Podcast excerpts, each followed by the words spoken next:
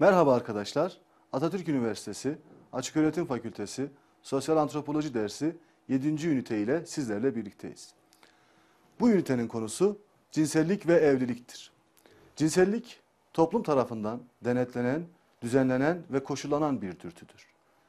Cinsel ilişkilerde belli ölçülerde kişisel tercihler rol oynamakla birlikte toplumsal ve kültürel kaygılar ağırlık taşımaktadır. Özellikle cinselliğe bağlı düzensizlikleri, rekabet ve çatışmaları engellemek için bütün toplumlar cinsel ilişkileri kurallara bağlamışlardır. Kültür, insanlara neyi, nasıl, ne zaman yemeleri gerektiğini öğrettiği gibi nerede, nasıl, ne zaman, kiminle cinsel ilişkinin olabileceğine ilişkin denetim ve düzenleme mekanizmalarında geliştirmiştir. Ancak cinsel ilişkilerin düzenlenmesi ve denetlenmesi ile ilgili kurallar her toplumda farklı farklıdır. Bazı toplumlarda evlilik dışı cinsel ilişkiler bütünüyle yasaklanmıştır.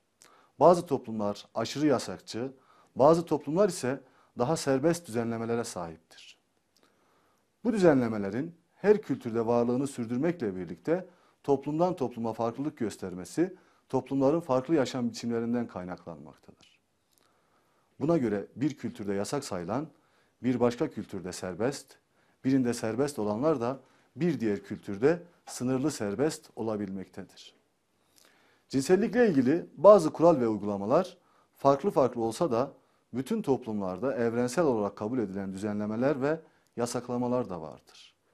Bu evrensel yasaklamalar arasında en dikkat çekici olanı ensest tabusudur. Evlilik, cinsel ilişkilerin düzen ve denetimine yönelik bütün toplumlarda görülen evrensel bir kurumdur.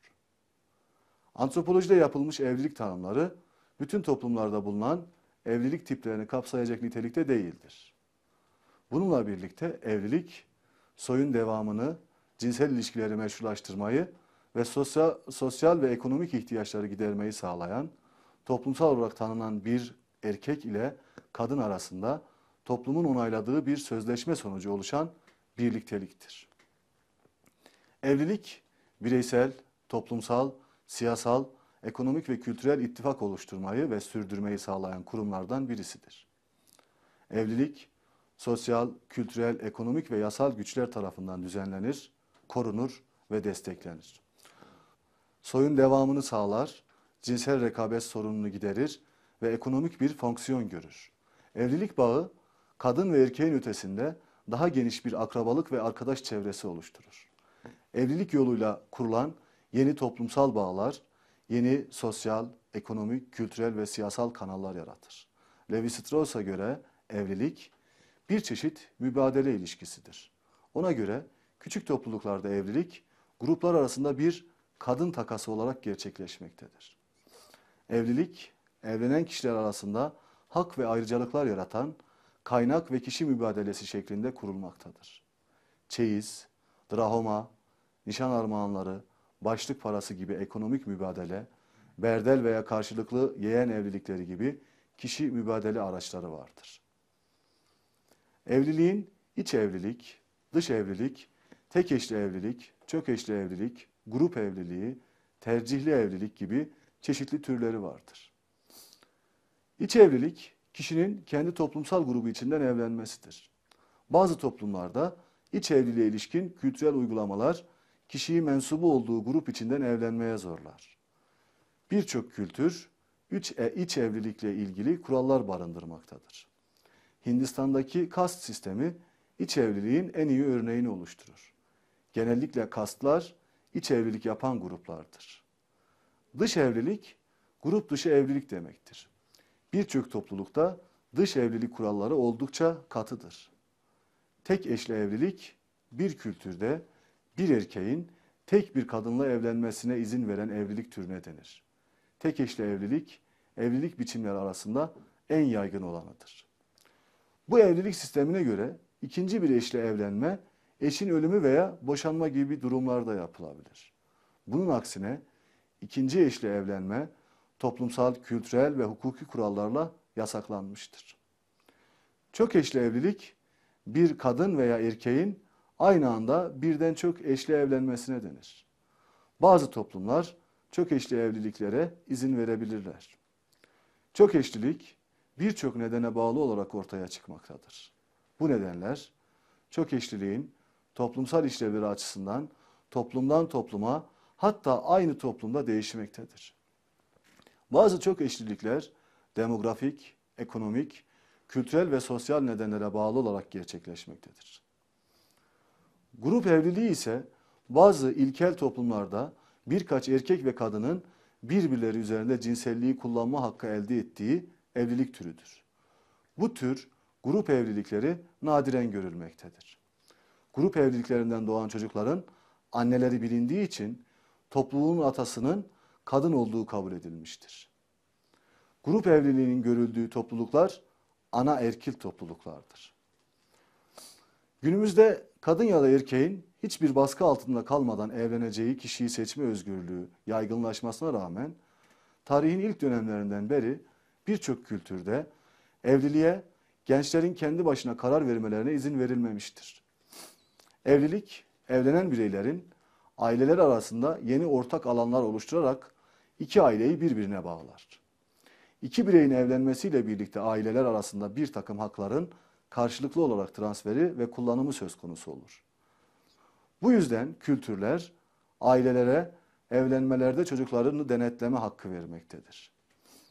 Ailelerin gençler adına tercih etme ve karar verme yöntemleri küçük topluluklardan modern toplumlara doğru çok farklı eş, eş seçme modelleri ve şekilleri üretmiştir. Bunlardan biri de tercihli evliliktir. Tercihli evlilik kültürel olarak eş seçme kurallarının belirlendiği ve sınırlandırıldığı evlilik türüdür. Burada tercih birçok toplumda ailelerin çocuklarının kimlerle evleneceğine onlar adına karar vermesi süreci olarak gerçekleşir. Tercihli evliliklere ilişkin kültürel kuralların etkisinin çok yoğun olduğu toplumlarda evlenme bireyler arası bir birliktelik olmaktan daha çok aileler, aşiretler, akrabalar ve sosyal gruplar arasında güçlü bir bağ kurmaktadır. Tercihli evliliğin çeşitli alt türleri de vardır. Bunlar paralel kuzen, kuzen evlilikleri, çapraz kuzen evlilikleri, beşik kertme, berder, kayınbiraderli evlilik, baldızlı evlilik, taygelde evlilik ve hayalet evli, evliliktir. Bazı toplum ve kültürlerde dulların yeniden evlenmesini destekleyici bir takım değerler ve kurallar inşa edilerek birçok evlilik tipi ve modeli geliştirilmiştir. Diğer kimi toplumlar ve kültürlerde ise yeniden evlenmelere sınırlamalar, yasaklar koyan katı değerler ve kurallar geliştirilmiştir.